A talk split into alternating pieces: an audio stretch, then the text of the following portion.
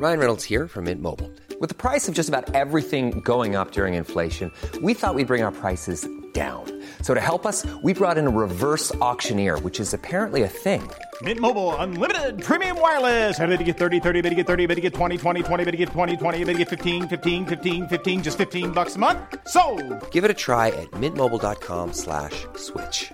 $45 upfront for three months plus taxes and fees. Promo for new customers for limited time. Unlimited more than 40 gigabytes per month. Slows. Full terms at mintmobile.com.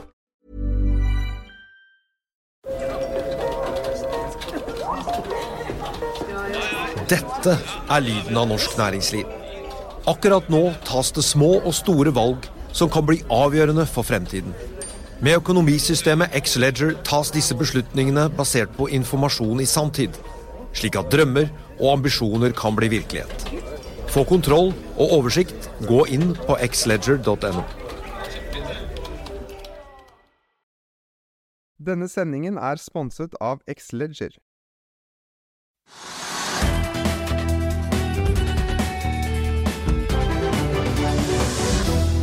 Velkommen til Økonominyhetene. I dag på besøk av valutastrateg Magne Østnord fra DNB Markets. Vi skal også se nærmere på hva som rører seg på Europa- og Asiabørsene. Vi begynner her hjemme på Oslo Børs. Det er ikke spesielt god stemning på Oslo Børs i dag. Hva skyldes det? Nei, nå var jo markedet opp rundt, nesten 1 i går, og så i dag er det ned en halv prosent. Og det er litt, kanskje litt overraskende for mange, fordi eh, vi fikk jo nye rekorder på løpende bånd i USA i går. Alle indeksene var opp til nye all time high. Og det skyldtes jo da, da var alle opptatt av at denne handelskrigen eller handelsrabalderet mellom USA og Kina at det liksom var kanskje historie. Og de hadde da inngått en avtale hvor de skulle da på en måte Rulle tilbake? Ja, altså da skrive, skrive, ned, jeg holdt på å si skrive ned, men da på å reversere de tollsatsene eller de ekstratollene de hadde innført.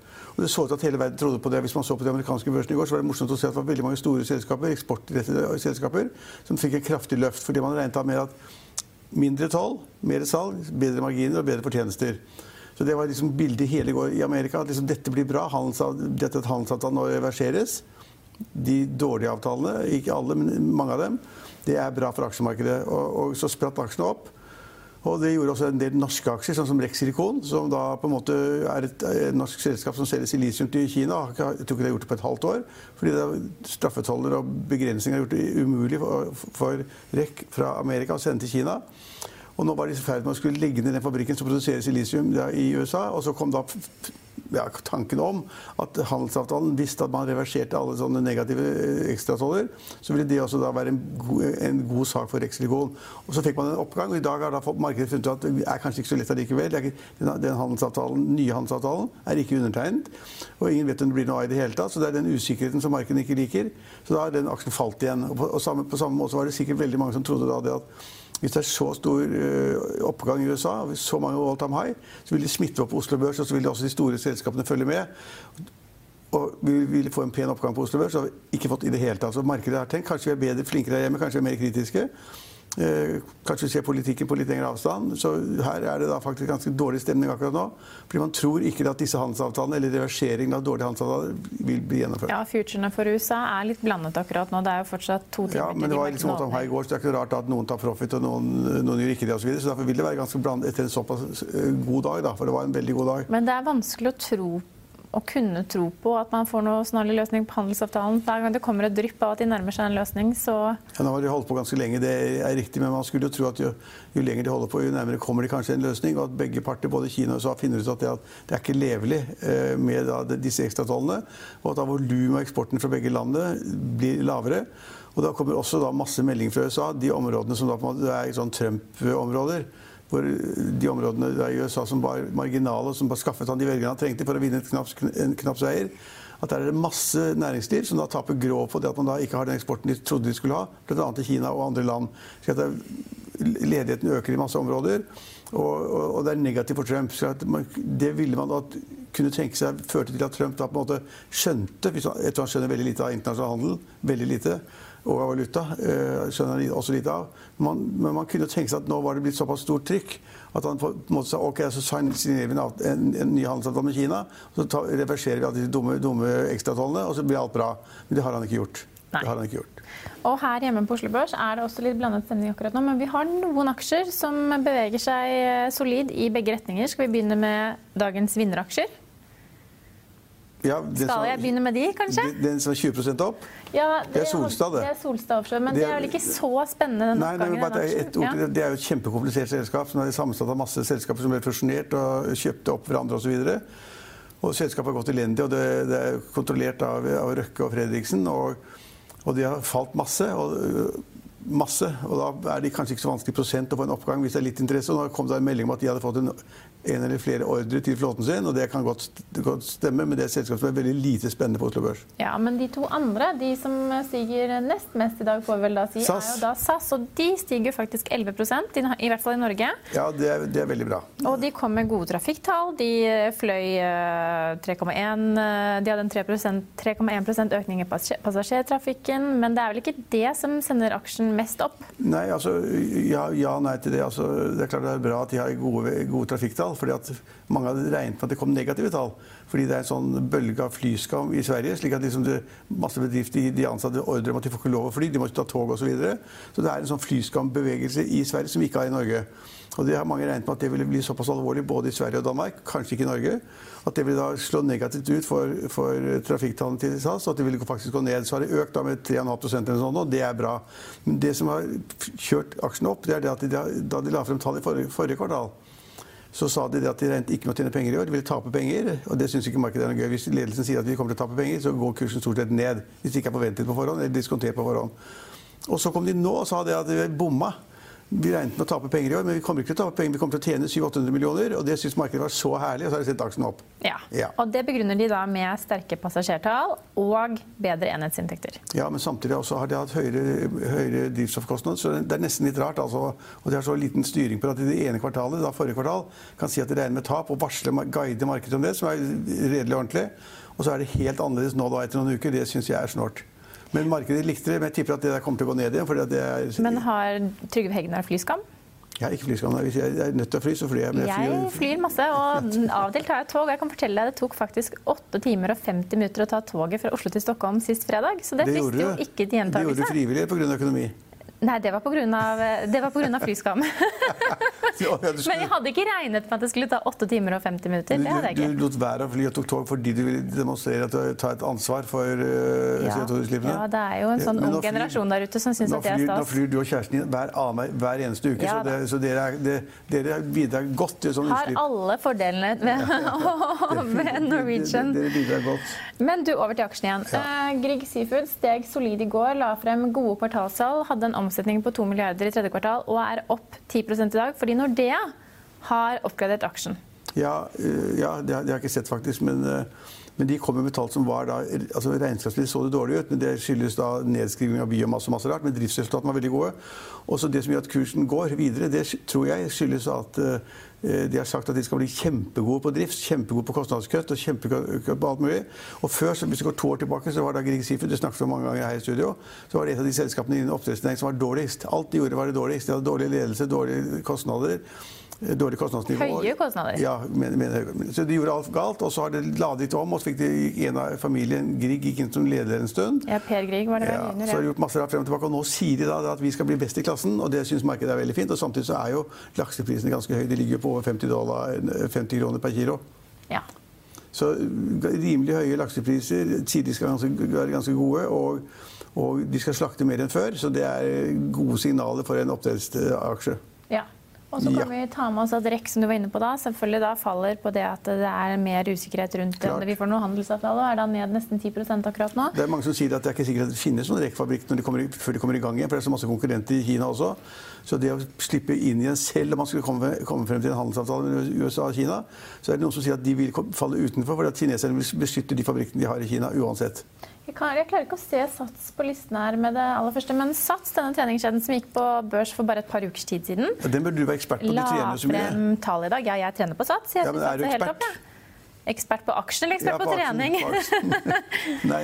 Nei, jeg, jeg så tallene, men de leverte jo dårligere enn forrige kvartal. Eller dårligere enn samme kvartal i fjor, men de hadde jo da en eh, markant økning i medlemsbasen Ja, sin. altså- Og så er jo spørsmålet hva er hva når det kommer Nei, jeg, til jeg, eh, jeg har ikke sett på regnskapet, jeg har ikke sett de tallene komme, så jeg kan se på det ganske raskt og finne ut hva jeg syns. Men det som er litt snålt, eh, de gikk ut og sa de skulle legge ut, altså, selge ut en del aksjene et, i et, bånd på mellom 23 kroner og 28 kroner. Det ble ikke 28 kroner, det ble 23 kroner. Nå står aksjen i 22 kroner. Og det var bare tre Og jeg skjønner ikke, faktisk av de tallene de sender ut, så skjønner jeg ikke hva som foregår. fordi at uh, Vår gjest her sa Bjørn Masseide, en av de store aksjonærene han sa jo det at de tjente en halv milliard eller sånn nå, sa han sa til oss her. Hvis Tallene som kom nå, var at de tjente 35 millioner i siste kvartal, ned fra 70 eller sånn. Ja, før skatt så hadde man en Jo, halvering. jo, men da snakket han kanskje med betaltallet, Jeg vet ikke, men altså, det, det er masse rot. Men sannsynligvis tjener de veldig dårlig. Og de eks ekspanderer, ekspanderer, finner nye sentre og kjøper andre sentre osv. Og så må de skrive av masse på goodwill, sannsynligvis, eh, på de ting de kjøper. Det drar eh, tallene ned. Men jeg, jeg kan ikke akkurat nå se om de tjener penger eller ikke tjener penger. Jeg tipper at de tjener, nesten ikke tjener penger. Og så er det en kjempevekst som da kan gi gevinst en eller annen gang i fremtiden. Men hvis jeg har rett, at de ikke tjener penger, så var det alt, den, da, da var prisen på 23 kroner altfor høy. Ja. Eh, Det kan du ha rett i, selv om Bjørn Maaseide mener at aksjen eh, eller selskapet er da verdt 5 milliarder kroner, som er mye høyere enn det markedsverdien er akkurat nå. Det høres veldig mye ut som en sånn vekter som sitter bare og gjør sånn og drar i sånn. Det høres veldig, De har personlig personlige trenere, vet du, Trygve, og de drar Ja, opp, de drar opp. eh, de drar opp resultatet. Ja. Ja. Jeg kan ta med at Hafni Hafnia Tankers gikk på børs i dag til noe laber stemning. Kanskje ikke riktig tid å gå på børs akkurat nå, så det er litt sånn eh, Nei, men risk on, altså, risk off. nei, men det er mer tankmarkedet generelt. Altså, det var en sånn liten, så, eh, lite hopp for noen uker siden. Og plutselig ratene var skyhøye. og Så tenkte folk at nå er tankmarkedet bra igjen, nå skal vi bare kaste oss inn i tank igjen. Og så gikk det tre dager, og så var ratene ned på det det var før igjen. Så det var et eller annet mystisk som skjedde. Og det, tankmarkedet er ikke friskmeldt, det er helt sikkert. Det er litt høyere enn det var, men det er ikke friskmeldt. Nei, og For de som har lyst til å lese mer om julerally supply, så kan de klikke seg inn på Finansavisen nå. For det står det med store bokstaver at eh, dansk beslutning trekker 11 supplyskip ut av Nordsjøen.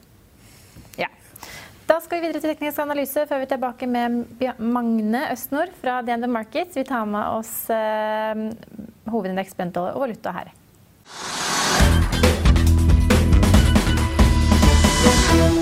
Velkommen tilbake. Vi har med oss valutastrateger fra DNB Markets, Magne Østnord i studio. Velkommen til oss. Du skulle egentlig vært her den dagen vi hadde bunnotering mot euroen for norsk krone. Vi har Ja, det var, litt hadde opp. vært god timing. Vi, hadde, vi har kommet oss litt opp igjen derfra, derfra men vi var altså nede på Men var det 10.31, eller var det Ja, var- 10.31,32 ifølge Bloomberg. Ja. Eh, vi har kommet oss litt opp igjen fra det nivået euroen står i 10 timer. Hvordan kan vi forklare det som skjer i den norske kronen? Jeg tror jeg vil si at det det er todelt her. Eh, Og det ene eh, eh, handler om noe strukturelt, og det andre handler om noe syklisk. Og det viktigste er egentlig det strukturelle i, i, i min bok. Eh, Og det handler om at vi eh, etter mange år med oljedrevet eh, vekst har opparbeidet et eh, høyt kostnadsnivå i norsk økonomi. Eh, For at vi skal opprettholde konkurranseevnen vår og klare å selge de- det vi produserer på et internasjonalt marked, så er vi helt avhengig av å ha en svak, eh, svak kronekurs. Så eh, jeg syns det er viktig ja, mm, når vi nå står med en rekordsvak krone, så, så virker det rart når vi ser i bakspeilet. Men hvis vi ser på hvor norsk økonomi er nå, så er jeg ikke nødvendigvis enig i at det er så veldig rart. Men kunne norsk økonomi være bedre noen gang enn den er nå? Men snu på det, altså Bare se på ledigheten, GMP-veksten, inflasjonen, altså sysselsettingsgraden. Altså, det er jo ikke noe som kunne vært bedre enn det er nå. Det kan endre seg. Det, det kunne vært, men jeg ville heller sagt at vi, er, vi har en ganske balansert utvikling i norsk økonomi. Og det, er, og det er, kan også brukes som et argument for at uh, kanskje de nivåene vi ser på kronen, ikke er så feil uh, som mange vil ha det til. Uh, vi, har, eh, vi har vekst som er nær det potensielle, potensielle veksten. Ledigheten er lav og stabil. Ja, inflasjon er eh, inflasjonsmålet. Og, og ikke bare det, men vi ser jo heller ikke at økonomien eh, De store tilpasningene til en, eh, en kronekurs som man ville ventet om den var veldig annerledes enn en, en langsikt, et langsiktig nivå. Vi, ser ikke, vi ser jo ikke eksporten virkelig skyte fart. Vi ser ikke importen dempe seg. Jeg syns vi får signaler fra masse eksportbedrifter at de selger bra for tiden, og at reiselivsnæringen selger bra. At de får glede av den svake kronekursen Nå som var sitter jo rakkeren. Trygve Hegnar i reiselivsnæringen selv med Hurtigruten. Er det basert på egen erfaring, eller er det Ja, vi følger veldig med på valutaen pga. det. Det er en kjempeeksportbedrift og, og får- får masse inntekter i kroner selvfølgelig etter å ha vekslet om dollaren og euroen. Så har vi fått, det er en veldig fordel selvfølgelig på valutasiden. Men det, du sa det at Men- kan- kan- kanskje kostnadsnivået pga. oljeøkonomien og alt mulig var blitt ganske høyt. Litt skummelt. Eh, Men hvis nå oljeprisen da, nå ligger den la oss si 61 dollar på Brenten Ja. 61 i dag, kanskje. Eh, hvis den plutselig var 70, vi hadde gjest på forleden, så hadde det, han mente at i snittet for neste år ville det bli en pris på 70 dollar per fat. Ja. Ja, så ble det 70 eller 80 eller hva som helst da. Men vil det da gi en enda svakere krone? Eller vil det da bli en sterk krone? Fordi at vi, eh, tidligere var det korrelasjon mellom da oljeprisen og Ja. kronekursen. Men da det har blitt helt motsatt. At hvis vi får en veldig kraftig økning i oljeprisen, vil vi da få en enda større svekkelse av krona, eller blir den sterkere? Nei, jeg, jeg, jeg vet at dette kanskje ikke er alle er helt enig i det, men jeg mener at sammenhengen mellom oljepris og kronekurs den er fortsatt slik den alltid har vært. Den er ikke Dette er lyden av norsk næringsliv. Akkurat nå tas det små og store valg som kan bli avgjørende for fremtiden. Med økonomisystemet X-Ledger tas disse beslutningene basert på informasjon i samtid, slik at drømmer og ambisjoner kan bli virkelighet. Få kontroll og oversikt, gå inn på xledger.no. Denne episoden er sponset av van Brun, en fremtredende smykkeforhandler kjent for sitt brede utvalg av forlovelsesringer, gifteringer og diamantsmykker som bæres og elskes i generasjoner. Et frieri er en av de største øyeblikkene i livet, hvor forlovelsesringen er et tidløst symbol på kjærligheten. Valget av ring krever omtanke for både hvilket metall og diamant, med et bredt spekter av både naturlige og labdyrkede diamanter, og metaller som platina, gult gull, hvitt gull og roségull, hjelper de deg med å sette et personlig preg på din kjærlighetshistorie. Van Brun vil gjerne invitere deg til å prøve på tre av dine favorittringer fra nettsiden helt kostnadsfritt. Du kan også låne et bredt spekter av frieriringer, slik at du og din forlovede kan velge en ring sammen etter det store ja. Van tilbyr 90 dagers åpent kjøp og 90 dagers gratis størrelsesjustering. Utforsk deres eksklusive sortiment i luksuriøse omgivelser. Bok en konsultasjon sammen med en diamantekspert i deres showroom i Oslo. Eller online på vanbrun.com. V-a-n-b-r-u-u-n.com.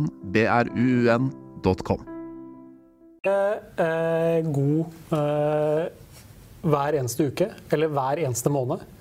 Eh, men hvis vi ser over litt lengre perioder, så mener jeg at den sammenhengen fortsatt står seg. Altså sterk olje, ja, høy oljepris, sterk kronekurs. Ja. Så, og det er helt riktig. Akkurat de siste mm, halvannen månedene, to månedene, så, så har den sammenhengen vært uh, dårligere. Ja. Det er jeg helt enig. Vi var jo nede da i 10,31 mot euro. Nå er vi på 10,10. Ja. Hva skyldes den oppgangen? da? Vi hadde jo en oppgang mot alle altså pund, euro og dollar på mellom 0,20 og 0,50 Ja. bare i løpet av en ukes tid. Det kom jo en rekke andre da, nyheter ut i markedet. Hva var det som gjorde at vi fikk denne, dette lille skiftet? Vet du hva? Denne gangen uh, syns jeg det har både vært vanskelig å forklare kronesvekkelsen, eh, og det har vært vanskelig å forklare hvorfor vi har hentet oss inn igjen etterpå. Sammen. Så vi har, for, for det er som du sier, eh, det var ikke noen fundamentale nyheter i perioden kronen svekket seg som skulle tilsi svakere krone. Eh, Kanskje snarere tvert imot. Nettopp på liksom utsiktene for, for eh, enighet om en, denne fase 1-avtalen. Eh, sannsynligheten for en hard brexit avtok i den perioden. Så egentlig det som har bidratt til å svekke kronen tidligere, altså i forkant av, av oktober, snudde. Eh, og, og på samme måte siste, siste uken så har det heller ikke, ja. heller ikke vært de opplagte årsakene. Men, men, men, men, Men Norges Bank du, vil jo du sa det var vanskelig, og det er jeg helt enig i, å se den svekkelsen. ja. Hadde man sett en sånn og vært rik, kunne man vært valutatrader. Eller jobbet i DNB. Jo, hvis du hadde sett den på forhånd, men nå snakker jeg om å forklare Ja, den ja, på et ja, etterskudd også. Hadde man visst den på forhånd, så hadde man vært rik, for da hadde man vært, valutatrader i Ja. DNB eller det på egen hånd. Men hvorfor var det ikke én det synes jeg er så rart, ofte sånn, hvorfor var det ikke én eneste av eh, analytikerne eller oljeekspertene eller valutaekspertene som så deg? Ikke én som så da den svekkelsen som kom. Så, så hvor, hvor, liksom, hvor, hvor var det stakk, liksom?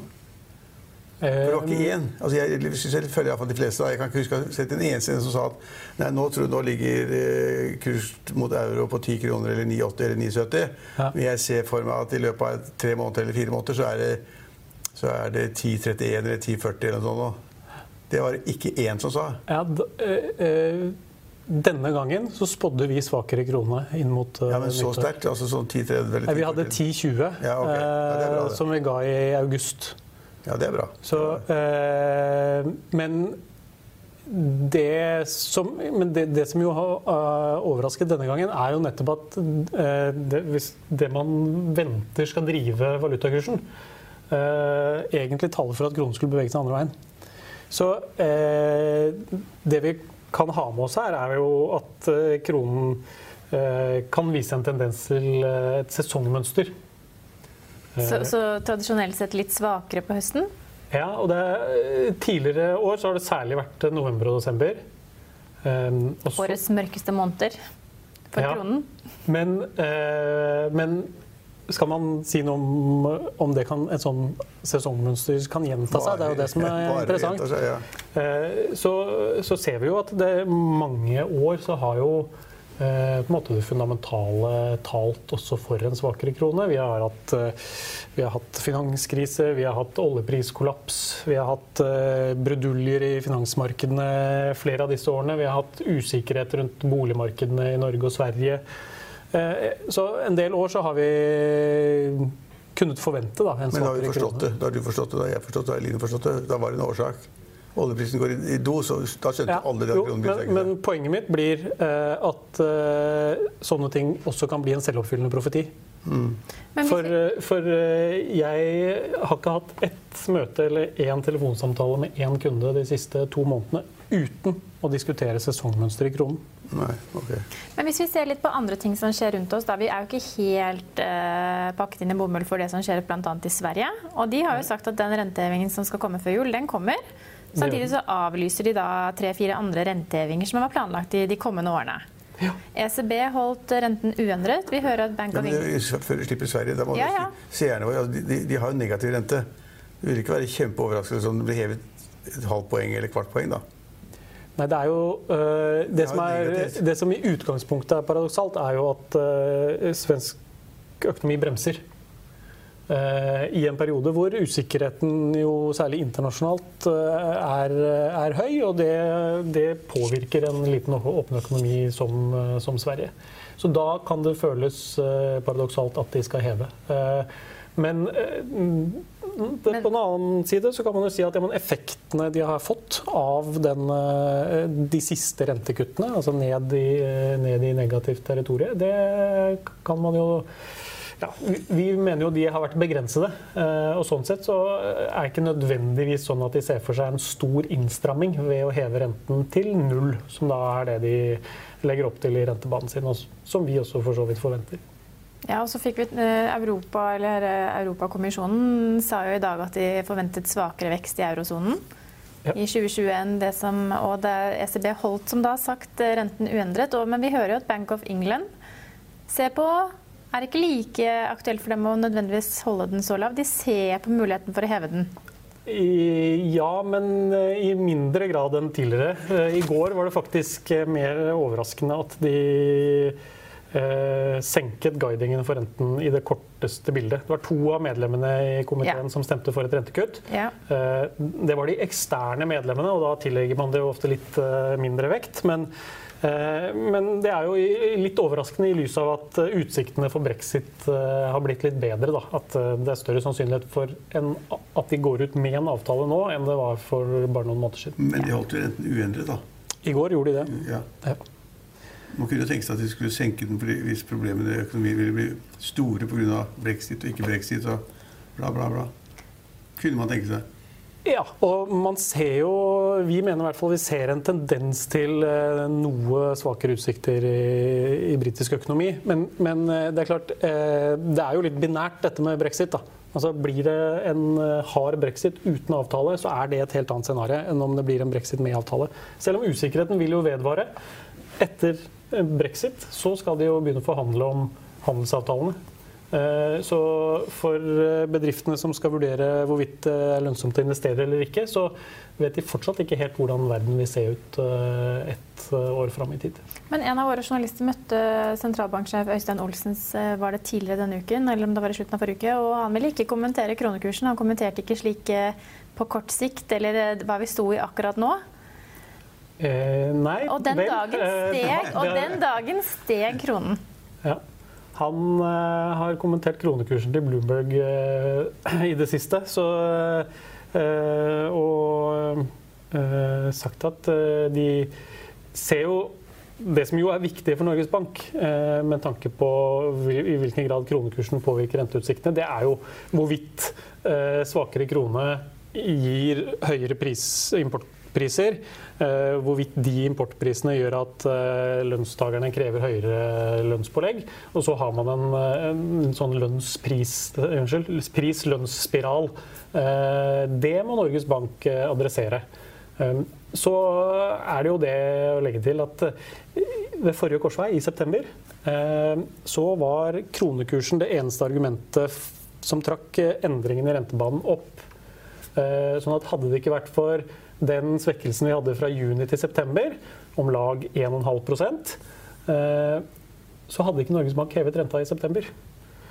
Så da la de veldig mye vekt nettopp på kronekurssvekkelsen. Og så har kronen svekket seg ytterligere. Eh, og man skulle tro at ja, det kunne jo da bety at de kanskje faktisk kommer til å heve en gang til. Jeg er litt skeptisk til det, fordi plutselig blir det da et spill mot valutamarkedet. Hva skjer hvis kronen skulle finne på å styrke seg la oss si 3% Så virker det jo rart at de da skal eh, starte å kutte renten med en gang igjen. Men så er det ganske morsomt, og Han sa jo også det her i intervjuet. Om, det var det samme intervjuet, det ikke, husker jeg ikke lenger, faktisk. Men jeg tror det var det samme intervjuet med en av våre medarbeidere. Så sa han at pengepolitikken og renten overhodet ikke brukes for å påvirke valutakursen. Ja. Det tror jeg ikke noe på. Um, det er uh, Jeg kan gi dem det at uh, Norges Bank er kanskje en av de sentralbankene som i begrenset grad lar seg påvirke. Mm. Men jeg er jo litt av den oppfatninga at i en verden hvor verktøykassene i ulike sentralbanker er i ferd med å tømmes, så er det klart at eh, valutakursen den kommer til å bli viktigere og viktigere. Ja, absolutt. Når styret da har møte, møte om pengepolitikken eller rentefastsettelsen, så tipper jeg de tenker på valutakursen, særlig når det står i 10-30. Hvor skal vi ha nå? Liksom? Skal vi ha den i 10-40, 10-50, eller skal vi ha den i 9-70? Ja. Det, det, tror jeg de tenker. Og, og, og Norges Bank har jo selv to ganger eh, i år eh, justert eh, forventningene til hva de tror kronekursen skal være på lengre sikt. Så, eh, dette er jo, men det er jo nyanser i dette. Eh, det er jo noe med å ta inn over seg det som har skjedd, eh, og vurdere hvilke konsekvenser det får for norsk økonomi. Eh, snarere enn å ha valutakursen som en målvariabel. Og der er jeg nok eh, tilbøyelig til å være enig med Øystein Olsen. Det er ikke i seg selv en målvariabel. Ja. Men hvor skal vi nå? da? Vi har en euro på 10,10, vi har et pund på 11,70, vi har eh, svensk krone på 0,94 og US dollar på 9,18. Hva er targetene til DNB Markets? Vi tror vi kan se ytterligere kronesvekkelse. Eh, og det handler, eh, handler om litt flere ting. Det handler om først og fremst at vi tror at denne fase 1-avtalen mellom USA og Kina mer er å regne som en våpenhvile en periode. Eh, som dere var innom tidligere i, sendingen. Dette er knapper og glansbilder i det store bildet. Det man har blitt enige om i denne avtalen. Eh, de store, vanskelige spørsmålene de gjenstår. Og mens det er tverrpolitisk konsensus i USA om å adressere problemet Kina, Eh, så ser vi det som umulig for kineserne å, å etter, gi etter på de områdene som er veldig viktige for hele den kinesiske modellen, økonomiske modellen. egentlig. Eh, så vi tror rett og slett handelskrigen skal eskalere ytterligere. Um, og, og, det skjer i en periode hvor også den globale veksten er på vei ned. Det er ikke bare i Europa hvor veksten som du var innom, eh, Europakommisjonen eh, tror veksten skal ned. Vi tror også den globale veksten skal ytterligere ned. Eh, og dermed vil den resesjonsfrykten i, i, enkelte land, kanskje særlig i USA, den vil vi ha med oss fortsatt. På toppen av det så er nettopp kronen, som vi var innom, tendens til å svekke seg. Det er ikke sånn at vi legger det til grunn som et av de viktigste argumentene, men, men det kommer på toppen av de, de, andre mer fundamentale argumentene. Så Hva betyr det for da eurokursen da, mot, mot, norske kroner mot jul eh, inn i neste år? Skal vi da lenger ned enn 10,31? Eller skal ja, vi har 10,40 som, eh, som, mål. og Det er klart, eh, vi, det var en prognose vi slapp på mandag. og Da lå vi jo litt høyere i euro norske enn vi gjør nå. men Eh, jeg føler jo retningen her er det vi opplever som eh, det viktigste med disse, disse anslagene. Vi ser en sannsynlighet om om ting utspiller seg sånn som vi legger til grunn, for svakere krone. Og vi, da snakker vi mot dollar et, sted opp på, et stykke opp på 30-tallet, 930. Men da tror du ikke at oljeprisen vil øke, da? Eh, nei, vi legger ikke til grunn så veldig mye høyere oljepris. Vi gjør ikke det. Selv om Bjarne Schjelderup sa at den kunne komme opp i eh, 70 dollar allerede til jul. Nei, han sa snittet til neste år, da. Ja, men han sa det kunne skje fortere Ja, enn ja, alt, kan, alt kan skje. Ja. Alt kan skje. Ja, da får vi følge med på om euroen kommer i 1040. Det blir ingen nyttårsfeiring i euroland hvis det skjer. Trygve? Det blir feiring av Nyttårsfeiring i euroland hvis det skjer. Nei, Hvis det blir så dyrt å reise dit. Ja, eller bruke penger. Men det er jo den manglende tilpasningen. Vi reiser jo så på ut, til utlandet som aldri Ja. før. Ja. Det er ingen, Så altså, kanskje blir det det. det er ingen turister Bare litt dyrere. det er et godt poeng. Det er ingen turister i Norge, tror vi, som på en måte ser på den der kronekursen eller eurokursen når de bestiller en billett til Nis eller Malaga eller Barcelona. De ser ikke på det. Det blir litt dyrere, litt billigere, men de ser ikke på det. Men de burde kanskje gjøre det over tid. Altså Hvis det blir 50 øre eller en krone, så klart, da monner det jo. Ja, men men jeg, jeg tror ikke de ser på det i det hele tatt. Så handler, men også der handler det om noe strukturelt. Ja. Vi, vi, vi handler jo kommunikasjonstjenester fra utlandet som aldri før. Jeg tipper kanskje noen av dere også har Spotify eller Netflix eller HBO eller et eller Alt annet. sammen, sier. Alle sammen. Eh, Kanskje til og med noen av dere kjører elbil, for alt det jeg vet. Så det er en del eh, sånne strukturelle drivere som påvirker importen vår også. Men, men som du er inne på, altså, ingen reiselivsaktører sier at nordmenn ikke reiser, ferierer i utlandet lenger. Nei, det, sier ikke, det tør ikke si. Men så er det veldig mange som sier faktisk da det at den svake kronekursen er bra for bookingen fremover, eller business fremover. Men det er den nok, sannsynligvis. Det kan være.